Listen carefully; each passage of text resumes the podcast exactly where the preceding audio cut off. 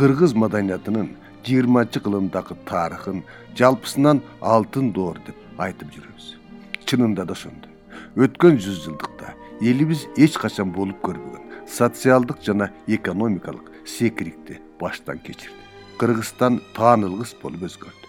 Ошол таанылгыс өзгөрүүлөрдүн эң маанилүү жыйынтыгы улуттук маданиятыбыздын гүлдөп өсүшү болду.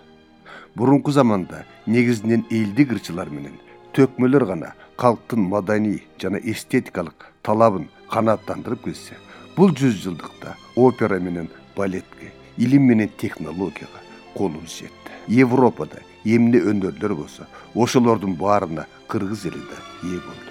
Ошол зор маданий жетишкендиктердин бири кыргыз кино өнөрү же кыргыз кинематографиясы десек туура болот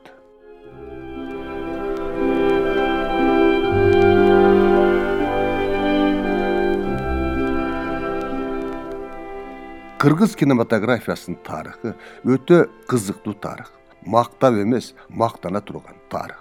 Ырас биздин улуттук кинонун булак башында ар кандай улуттардын өкүлдөрү турган. Ошолордун тикелей көмөгү же жардамы менен нечен артисттердин режиссерлордун операторлордун бактысы ачылган.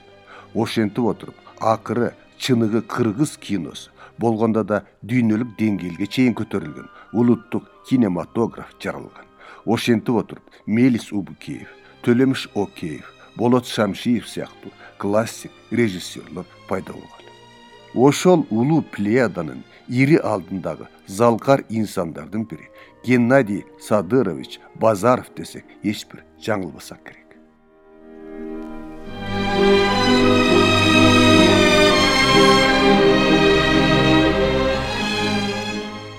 геннадий садыровичтин же курулары жакшы көрүп айткандай гена аганын киного болгон кызыгуусу мектепте окуган кезде эле пайда болгон экен.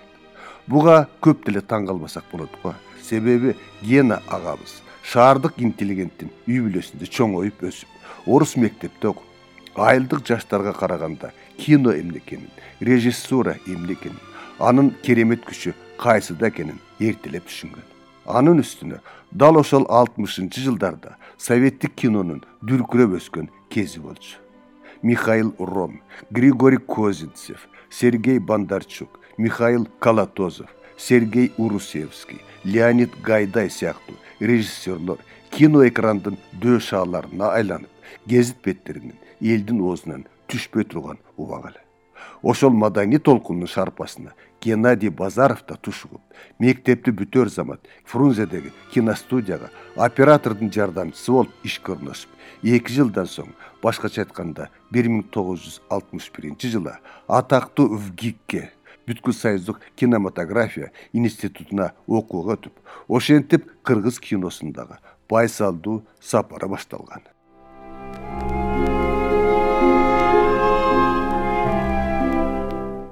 геннадий базаров дээрлик жарым кылымдык чыгармачыл жолунда он эки толук метраждуу кинофильм тартып жыйырмага жакын ар кандай багыттагы жана форматтагы кино тасмаларды жаратыптыр алардын ишинин кайсы бирлери эбак эле улуттук классика катары таанылып кыргыз маданиятынын тарыхына алтын тамга менен жазылып калган баса бул тууралуу көрүнүктүү кино ишмер гена агабыздын замандашы жана коллегасы болот шамшиевдин бир сөзү эске түшөт. Мен андан жыйырманчы кылымдагы кыргыз киносунун эң эле бийик чокулары деп кайсы картинаны же тасмаларды айтар элеңиз деп сураганда төрт фильмди өзгөчө орунга коюп жооп берген эле. Алар мелис убукеевдин кыйын кечүү төлөмүш океевдин бакайдын жайыты геннадий базаровдун саманчынын жолу жана өзү тарткан караш караш окуясы тасмалары экен. Ооба саманчынын жолу фильми геннадий базаровдун классикалык фильми айрыкчандагы бакен кыдыкеев аткарган толгонайдын ролу эч качан кайталанбай турган чоң тарых го чыңгыз айтматовдун атактуу повестинин негизинде тартылган бул фильм азыр да көргөн адамдын жүрөгүн солкулдатат баарынан да ошол кезде болгону жыйырма төрт жаштагы жаш режиссер кино өнөрүнүн баардык сырларын терең өздөштүргөнгө жетишкени таң калтырат. Ушул эле пикирди көрөрмандардын терең сүймөнчүгүнө айланган көчө деген тасма тууралуу аномалия көздүн кареги аттуу фильмдер тууралуу айтсак да толук жарашат. Ал эми геннадий ага жараткан документалдык публицистикалык фильмдерчи маселен быйыл токсон жылдык мааракеси белгиленип жаткан чыңгыз айтматов тууралуу базаровдун тасмасын эч бир баасы чексиз автордук чыгарма катары баалар эле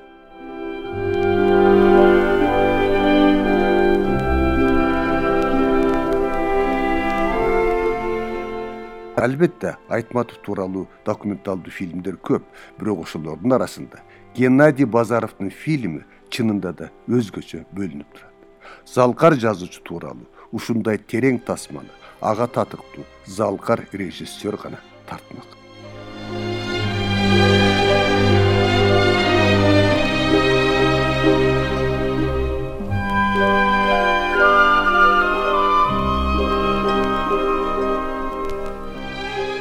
Гена агабыз быйылкы жылы жашы жетимиш алтыга карады. Бирок дале болсо мурункусундай иш үстүндө эмгек үстүндө артында ондогон окуучулары шакирттери миңдеген көрөрмандары бар. Чыныгы интеллигент маданияттуулуктун пакизалыктын иштермандыктын үлгүсү.